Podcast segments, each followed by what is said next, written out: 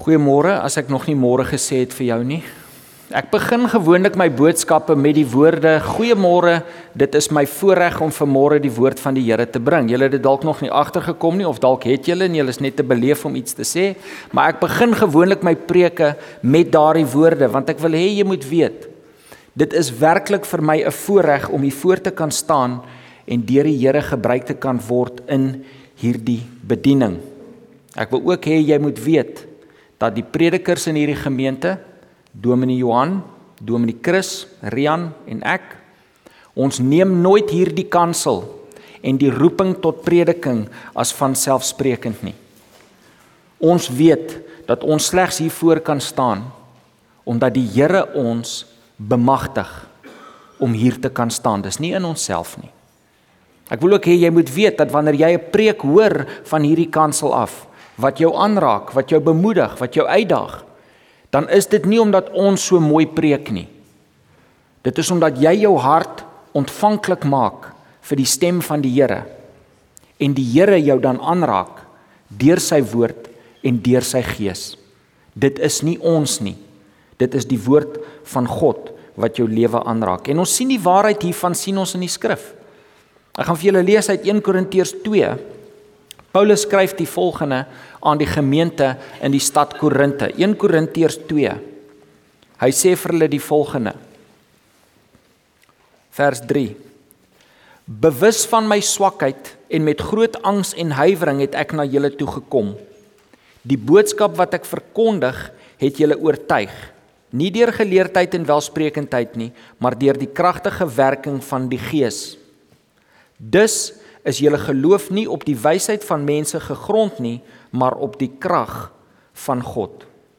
Paulus sê vir die Korinte, hy sê luister, ek het na julle gekom, ek het vir julle die woord van God gebring en die woord van God het julle lewens aangeraak, maar nie omdat ek so hoog geleerd is nie. Nie omdat ek sulke mooi woorde gebruik het nie. Maar omdat die Heilige Gees julle aangeraak het met daardie woord. En dan sê hy iets baie interessant. Hy sê julle geloof is dus gegrond op die krag van God. En as jy hierdie verse mooi ontleed, dan sal jy sien dat Paulus die Heilige Gees wat die woord tot ons harte spreek, beskryf hy as die krag van God. Ek gaan dit weer sê. Paulus sê die krag van God is die Heilige Gees wat die woord van God tot ons harte spreek. En dis presies waarna ons kyk in hierdie reeks. Hierdie reeks is getiteld Die waarde van die woord. En in hierdie reeks kyk ons dan na die waarde en die wese van die woord van God. Ons gaan spesifiek kyk later in die reeks, gaan ons kyk na wat dit is wat die woord in ons lewens doen. Wat is die werking van die woord van God in ons lewens? Laasweek het Dominee Jan met ons gesels oor die waarde, hy het 'n oorsig van die waarde van die woord gegee en vanoggend gaan ons kyk na die wese van die woord. Wat is die Bybel en spesifiek dan nou wat beteken dit dat die Bybel geïnspireerd is? Kom ons sluit die oë. Here, dankie vir u liefde en genade. Dankie Here dat ons kan weet dat wanneer ons hierdie Bybel oopmaak, dan is dit u wat tot ons harte spreek. Dis nie die woorde van mense nie, dis nie die wysheid van slim geleerdheid nie. Dit is u woorde, Here, en ons vra dat u Gees dan vanmôre hierdie woorde tot ons harte sal spreek. Dat u ons sal aanraak, u ons sal bemoedig en u ons sal uitdaag deur hierdie u krag. Ons loof en prys u. Amen. Amen wil vir julle sê dis regtig vir my bemoedigend as ek 'n Bybelvers noem en ek sê nie blaai saam met my nie en ek hoor die bladsye wat gaan. Jy weet in die boek Handelinge, ek dink is in hoofstuk 7, ek praat onder korreksie, het Paulus gaan preek op 'n plek in Berea en die Bybel sê die Bereane het gekyk, hulle het in die skrif gaan soek om te sien of die dinge wat Paulus gesê het so is. Dit moet ons wees. Ons moet seker maak dat wat ons hoor die waarheid is. Amen. Amen. Dominian het laasweek in sy boodskap hy klomp goed gesê wat al heel week in my kop maal, dinge wat my werklik getref het. Maar een van die goed wat vir my die sterkste getref het, was toe hy geillustreer het hoe los en vas ons baie keer met die woord kan werk, né? Nee? Ek hou van hierdie deel, ek gaan hierdie deel toepas. Hierdie deel staan my nie heeltemal aan nie, dis vir my bietjie sosiaal onaanvaarbaar, so ek verduidelik dit weg of ek ignoreer dit. En uh, ons weet ons mag nie so werk met die woord nie, né? Nee? Maar dit my laat besef dat ons aan die begin van hierdie reeks mekaar 'n baie belangrike vraag moet vra. Ons moet vir mekaar vra, wat is die Bybel? Wat is die Bybel en hoekom dra dit gesag? Dit is baie belangrik dat ons weet wat ons dink van die Bybel, want dit wat ons dink van die Bybel, sy wese en waarde, gaan bepaal hoe ons daarmee omgaan. As ons dink die Bybel is maar die wysheid van mense, dan gaan ons goed uitlos en ons gaan los en vas met dit werk. Maar wanneer ons besef dat die woord van God, die Bybel die woord van God is, dan gaan ons respek hê en ons gaan die knie buig voor God se woord. Blaai asseblief saam met my na 2 Timoteus 3. 2 Timoteus hoofstuk 3, een van die laaste boeke in die Nuwe Testament. Dit is die teksvers vir ons reeks. Ek en Janine was 2 jaar terug was ons in Rome. En uh, wat 'n asemrowende plek is dit nie. Ek weet hier is mense in ons gemeente wat ook al in Rome was. Wat 'n asemrowende stad is dit nie. Jy weet jy kan dit vir iemand nie beskryf nie. Jy stap by die Vatikaan en jy kyk op en jy sien die goud in die dak, nie goue verf nie, goud. Jy sien die dak, standbeelde van marmer. Jy weet in die een kerk is daar 'n standbeeld wat deur Michelangelo gekerf is. Jy weet die die weelde, die luukse, jy kan dit vir iemand nie beskryf nie. Maar dit was nie die Vatikaan of die Victoriano monument of die Colosseum of enige van hierdie plekke wat die grootste indruk op ons gelaat het op daardie vakansie nie. Die plek wat die grootste indruk op ons gelaat het in die stad Rome was 'n koue, nat, donker gat in die grond aan die buitewyke van die antieke stad. Jy stap met sulke trappies af en dan sien jy 'n vertrek, miskien so groot soos die verhoog. Plavei met grouwe klip, een gloeilamp wat daar hang, jy kan so min of meer sien wat daar aangaan en dan gaan niks aan nie, dis net 'n gat in die grond. Maar die rede dat daardie vertrek so indruk op ons gemaak het is omdat dit die plek is waar geskiedkundiges glo die apostel Paulus sy laaste dae deurgebring het. Daardie vertrek was die tronk van die antieke stad. En dit is dan in daardie vertrek, in daardie koue, nat, donker gat in die grond waar die apostel Paulus sy heel laaste brief aan die Christendom geskryf het. Nou kom ek vra vir jou so. As jy weet jou dood is naby en Paulus het geweet, ons sien dit in die brief, hy sê dit. As jy geweet het jou dood is naby en jy het een laaste kans om 'n brief te skryf aan iemand. Wat gaan jy in daardie brief sit? Interessante bysake? Take it or leave it raad? Ek dink is veilig om te sê as jy vir iemand 'n laaste brief skryf, gaan dit die lewensbelangrike dinge wat in jou hart is, die kern, die klop van jou hart gaan in daardie brief uitkom. Amen. Nou daardie laaste brief wat Paulus geskryf het, is 2 Timoteus. So kom ons kyk in hoofstuk 3. Kom ons sien wat was die hartklop van die apostel Paulus? Wat was die laaste boodskap wat hy aan die Christendom wou deurgee? 2 Timoteus 3 vers 14 Maar jy Timoteus, bly by wat jy geleer het en wat jy vasglo. Jy weet tog wie jou leermeesters was en jy ken van kleins af die Heilige Skrif. Dit kan jou die kennis bybring wat tot verlossing lei deur die geloof in Christus Jesus. Die hele skrif is deur God geïnspireer en het groot waarde om in die waarheid te onderrig, om dwaaling te bestry, om verkeerdhede reg te stel en om 'n regte lewenswyse te kweek. Hoekom? sodat die man wat in diens van God staan volkome voorberei en toegerus sal wees vir elke goeie werk. Net tot daar. Paulus sê die volgende vir Timoteus. Hy sê Timoteus, bly by wat jy geleer het. Hou vas aan die waarheid, aan die Heilige Skrif. Want dit is die geïnspireerde woord van God. En omdat dit die geïnspireerde woord van God is, kan dit al hierdie dinge in jou lewe doen. En dan noem hy daai vier goed wat ons in die reeks na gaan kyk in diepte. Hoekom Timoteus moet jy vashou aan die skrif? Hoekom moet die woord hierdie dinge in jou lewe doen sodat jy die soort lewe kan lei wat God van jou verlang? Ek gaan dit weer sê, hoor die klem. Timoteus, hou vas aan die heilige skrif, dit is die waarheid. Dit is die waarheid omdat dit die geïnspireerde woord van God is. En omdat dit die geïnspireerde woord van God is, kan dit al hierdie dinge in jou lewe doen sodat jy die lewe kan lei wat God van jou verlang. Die kern van die saak is daar die een sinsnede in die middel van hierdie gedeelte. Die hele skrif is geïnspireer deur God. Alles draai daaroor. Wil jy weet wat is die Bybel? Dit is deur God geïnspireer is die antwoord. Wat is die waarde van die Bybel? Dit is deur God geïnspireer. Hoekom werk die die skrif in my lewe? Dit is deur God geïnspireer. Alles draai om daardie een frase. Die woord van God, die hele skrif is deur God geïnspireer. Nou miskien wanneer ons dit hoor, geïnspireer, dan dink ons aan die soort inspirasie wat 'n kunstenaar van sal praat. Van Gogh het 'n ryp koringland gesien en toe hy so geïnspireer deur al die verskillende kleure geel wat hy sien, hy skry hy teken toe 'n uh, hy skilder toe 'n klomp bekende skilderye van sy waardevolste skilderye omdat hy geïnspireer was deur die kleure van 'n ryp koringland of Shakespeare wat geïnspireer was deur sy liefde vir 'n vrou en toe skryf hy 'n klomp liefdesgedigte. Dis nie waarvan ons praat as ons sê die woord is geïnspireer nie.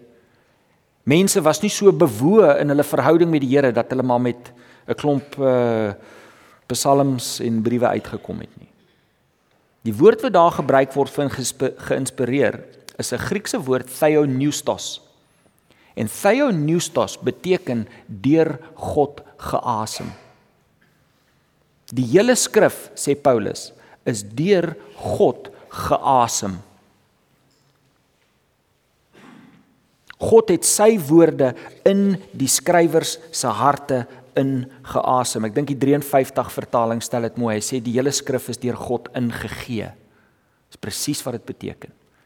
Hierdie boek, broer en suster, hierdie boek is nie die wysheid van slim mense nie. Hierdie is nie die interessante geskiedenis van antieke Israel of die vroeë kerk nie. Hierdie is die woorde van God uit sy hart, uit sy mond vir skrywers gegee sodat ons dit vandag kan hê. Hoekom? Sodat ons die lewe kan lei wat die Here wil hê ons moet lei. Op die raamwerke. Op die raamwerke. Die inspirasie van die skrif beteken die volgende: Die Bybel is God se volledige openbaring van die waarheid aan die mens.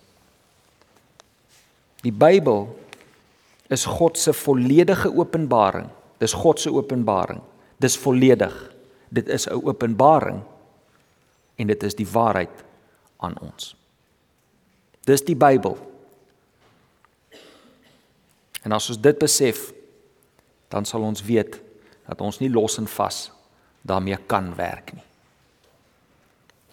Omdat die Bybel God se openbaring is, kan ons ook sê die woord is waardevol. Nommer 1 op die raamwerke, die woord is waardevol. Paulus sê vir Timoteus die hele skrif is deur God geïnspireer en het groot waarde om. Die woord is waardevol. Woord is kosbaar. Psalm 119 vers 11. En toe ek voorberei vir die preek en ek skryf daai versie neer, toe besef ek dat ek dink in 8 uit 10 preke wat ek doen, kom daardie vers voor. Dis werklik die vers van my lewe. Psalm 119 vers 11. Dawid sê: "U woord, Here, het ek in my hart bewaar sodat ek nie teen U sal sondig nie." Die Hebreëse woord vir bewaar beteken om iets kosbaar op te pas, te koester, versigtig te hanteer. U woord Here het ek in my hart bewaar. U woord Here maak ek bymekaar in my hart soos kosbare skatte. Ek pas dit op, ek koester dit. Want dit gee vir my die vermoë om die lewe te lei wat U van my verlang. Dis hoekom ons hier op die verhoog het ons die die Bybel daar in 'n skatkis, want die Bybel is 'n skat, dit is kosbaar. Psalm 19 vers 11 sê die woorde van God is kosbaarder as goud selfs as baie goud. Toe ek daai vers lees, toe dink ek by myself, toe ek nou vir so 'n paar dae het ek in die kar as ek werk toe ry, dan dink ek oor hierdie frase, die woord van God is kosbaarder as goud. Hoekom is die woord van God kosbaarder as goud? Hoekom vergelyk die skrywer van die Psalm die woord van God met goud? Hoekom sal hy so iets sê? Die woord van God is kosbaarder as goud, selfs as baie goud. En toe kom 'n kliënt in my gedagtes op. Ek het julle laas jaar van hom vertel. 'n kliënt van my in Zimbabwe, hy het sy lewe lank het hy geld bymekaar gemaak, was 'n baie ryk man gewees, fabriek gehad, klomp plase en hy het op aftree ouderdom gekom, homself gereed gemaak om af te tree, die besigheid oor te gee aan sy seun en toe begin die grondonteiening in Zimbabwe. En daar sy plase daarmee heen En toe dit gebeur toe begin die Zim dollar val en soos die Zim dollar val, so val sy pensioenwaarde, so val sy beleggings en toe die Zim dollar wegval, toe hy ook met niks. Toe sit hy met niks. Hy het elke sent wat hy gehad het, het hy verloor. Op aftree ouderdom. Hy het sy lewe lank gefokus op geld en toe die dag dat hy wil aftree, toe hy niks. En dit was nie sy skuld nie. Hy het niks verkeerd gedoen nie. Hy het met wysheid opgetree alles. Toestande buite sy beheer het gemaak dat hy gesit het met niks en toe kom daardie verhaal by my op. En ek besef hy het sy lewe lank het hy gefokus op geld. Sy lewe lank het hy gefokus op geld en die dag toe die geld weggevat word, toe hy niks.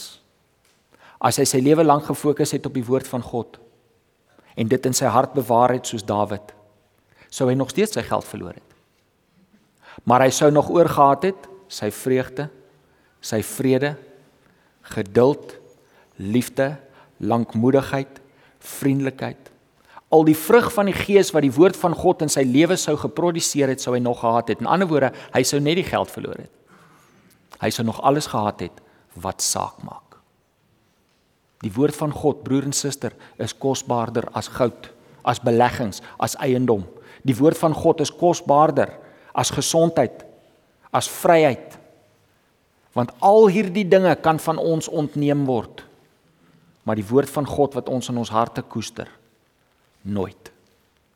Gaan lees bietjie die getuienis van mense agter die eyste gordyn in die 60s, 70s en 80er jare wat gevangene geneem is vir hul geloof. Gaan lees die getuienis hoe hulle met vreugde die Here gedien het in haaglike omstandighede in die tronke. Hoekom? Want hulle die woord van God in hulle harte gehaat. Dit kon niemand wegvat nie. Mag die Here mag die Here vir ons openbaring gee van die kosbaarheid van sy woord bo alle aardse skatte. Nommer 2 op die raamwerke, die woord is waardevol. Nommer 2, die woord is waarheid. Die woord is waarheid. Johannes 17 vers 17 bid Jesus die volgende tot die Vader. Hy sê Vader, laat hulle dis ons Laat hulle aan U meer toegewyd wees deur U waarheid. U woord is die waarheid. Daar is net een waarheid omtrent alles. Daar is net een waarheid, broer en suster, omtrent alles. En dis die woord van God. Ons as mense verander ons opinies. Die sosiale samelewing waarin ons is, verander sy sienswyse en hy pas maar aan om by die meerderheid aanklank te vind, maar die woord van God bly onveranderd. En slegs wanneer ons op die woord van God staan, staan ons op die waarheid. Ons lewe in 'n samelewing wat maar grootendeels amoreel is. Daar's nou 'n interessante woord vir julle. Amoreel, nie immoreel nie, amoreel. Amoreel beteken daar bestaan nie so iets soos moraliteit nie. Wat vir jou reg is, is vir jou reg en wat vir hom reg is, is vir hom reg en wat vir my reg is, is vir my reg en solank ons net nie ons opinies op mekaar afdwing nie, is die saak reg. Né? Nee? Dis die gees van die dag. Net nie jou opinie op my afdwing. Nou ons as Christene mag nie in daardie denkwyse vasgevang word van die wêreld nie. Daar is 'n waarheid. Broer en suster, daar is 'n waarheid omtrent rasisme. Daar is 'n waarheid rondom selfe geslagverhoudinge. Daar is 'n waarheid rondom noem die saak. En daardie waarheid gaan ons vind op een plek. Die woord van God. Ons kan of staan op die waarheid soos soldate van Christus of ons kan rondgeslinger word lafhartig deur elke gier en wind van die wêreld. Ons het 'n keuse. Efesiërs 6 vers 14 sê staan dan vas julle heupe omgord met die waarheid. Ons kan slegs op die waarheid kan ons werklik vas staan in hierdie lewe. Weet julle die kerk kan 'n baie sterker invloed hê op die wêreld as ons hierdie openbaring kan aangryp. As ons sal begin vas staan in die waarheid en nie saam met die wêreld gaan met elke nuwe neiging en sosiale konvensie nie. Nommer 3 op die raamwerke. Ons sê die woord is waardevol, die woord is waarheid en laastens die woord werk. Die woord werk. Blaai asseblief saam met my na Jesaja 55. Jesaja 55.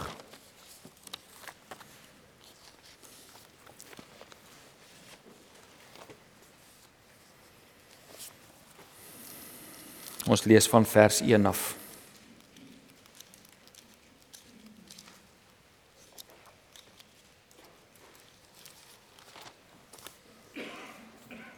Ek lees uit die nuwe lewende vertaling. Hy stel dit vir my baie mooi. Jesaja 55 vers 1. Almal wat dors is, sê die Here, almal wat dors is, kom na die water toe.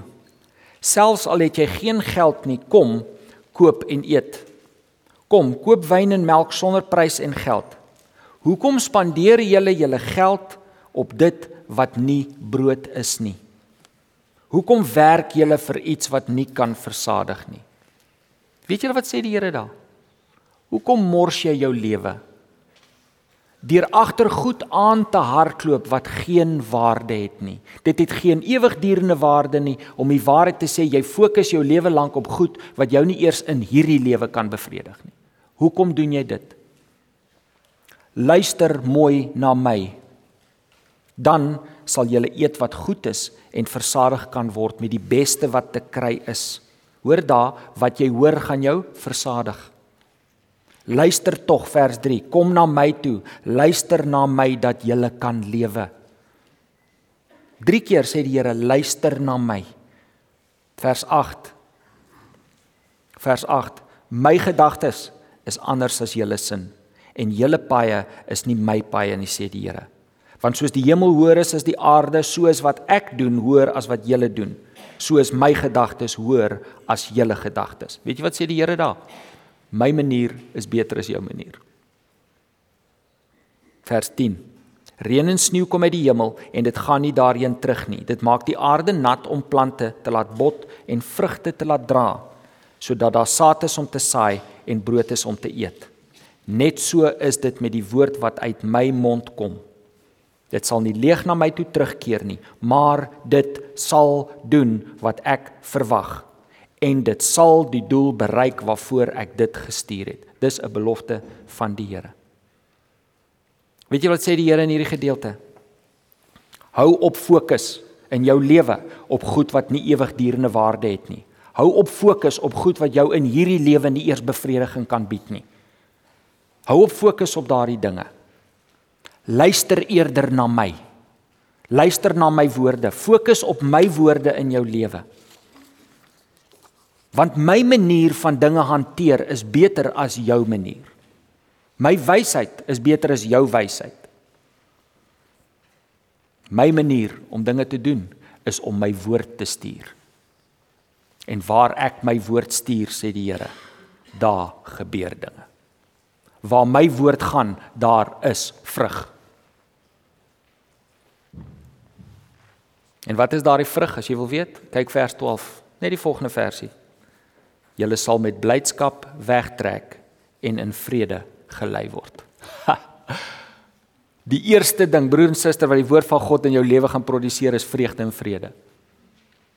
Het jy vreugde in jou lewe nodig? Het jy vrede in jou lewe nodig?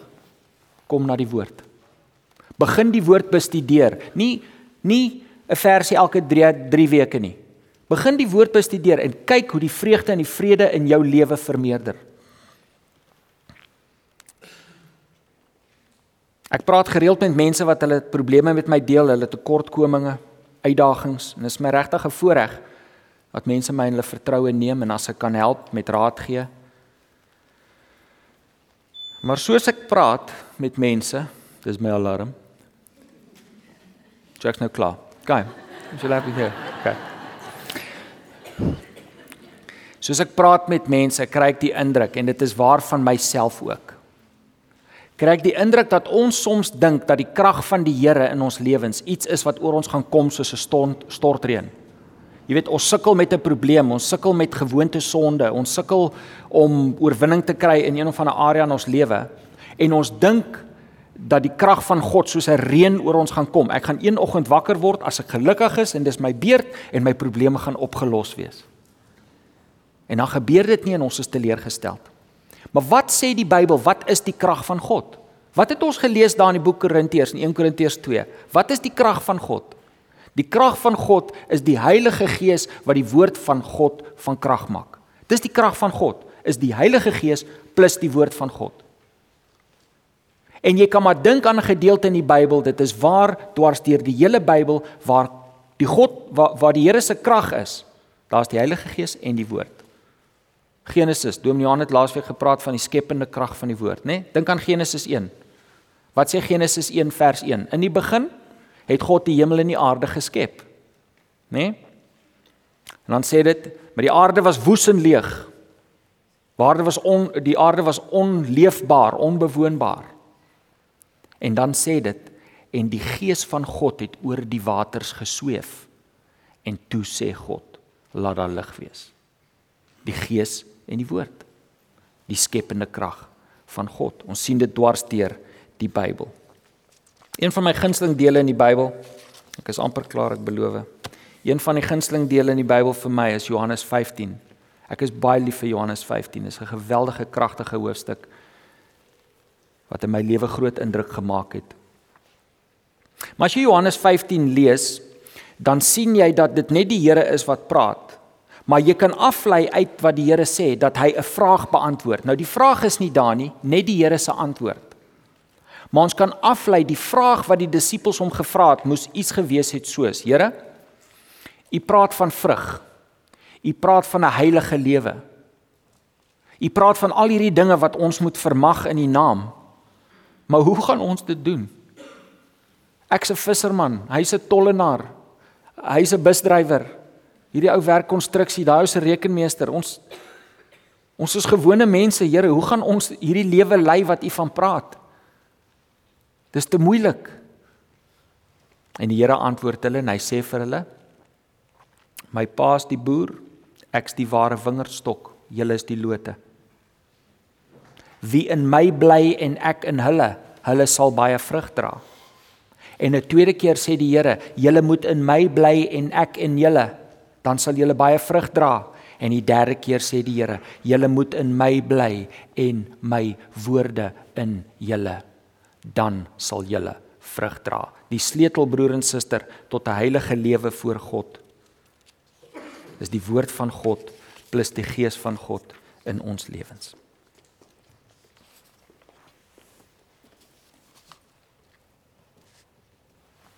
Hoe meer ek die Bybel bestudeer, hoe meer sien ek die waarheid van die krag van die inspirasie. Die woord van God werk. Die woord van God is effektief om in jou lewe te vermag wat die Here wil hê dit moet vermag.